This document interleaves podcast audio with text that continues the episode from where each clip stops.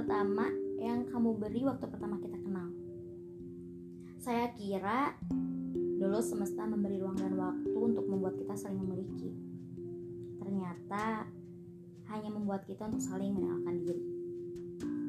Kamu berhasil bekerja sama dengan semesta untuk menumbuhkan rasa ini. Dan kamu juga berhasil pergi setelah rasa ini terlanjur terjadi. Di sini entah siapa yang paling egois. Kamu yang tetap pergi setelah rasa ini terjadi atau perasaan ini yang terus tumbuh padahal kamu sudah pergi. Kamu tahu apa yang lebih menyedihkan dari langit sore di kotaku hari ini? Benar, hati saya. Sepeninggalmu kemarin yang menyisakan luka, selain luka yang tumbuh, rasa yang tanpa jeda, rasa yang tanpa henti, bahkan rasa yang tak tahu waktu pun muncul.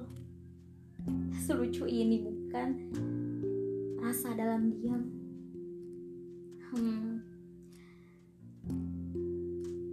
Waktu pertama kita kenal, yang terlintas di benak saya adalah udah pokoknya nggak boleh jatuh cinta nggak boleh ada rasa tujuannya cuma buat nama temen begitu tegasnya perjanjian hati sama diri sendiri.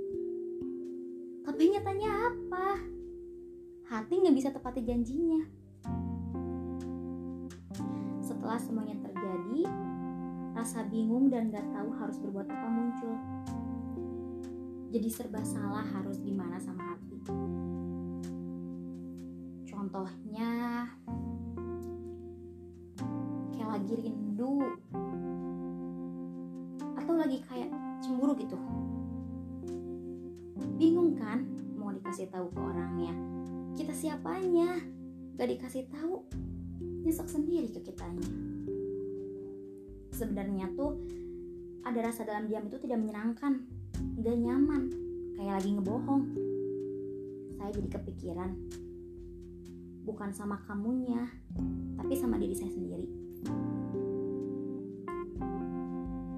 kalimat yang pas yang pernah saya dengar di podcastnya Rintik Seduh. Cara mengasihani diri sendiri dengan cara yang mewah.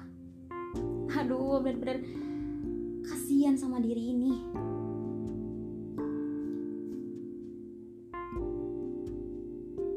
Duh, saya jadi kebawa bingung harus ngomong apa lagi?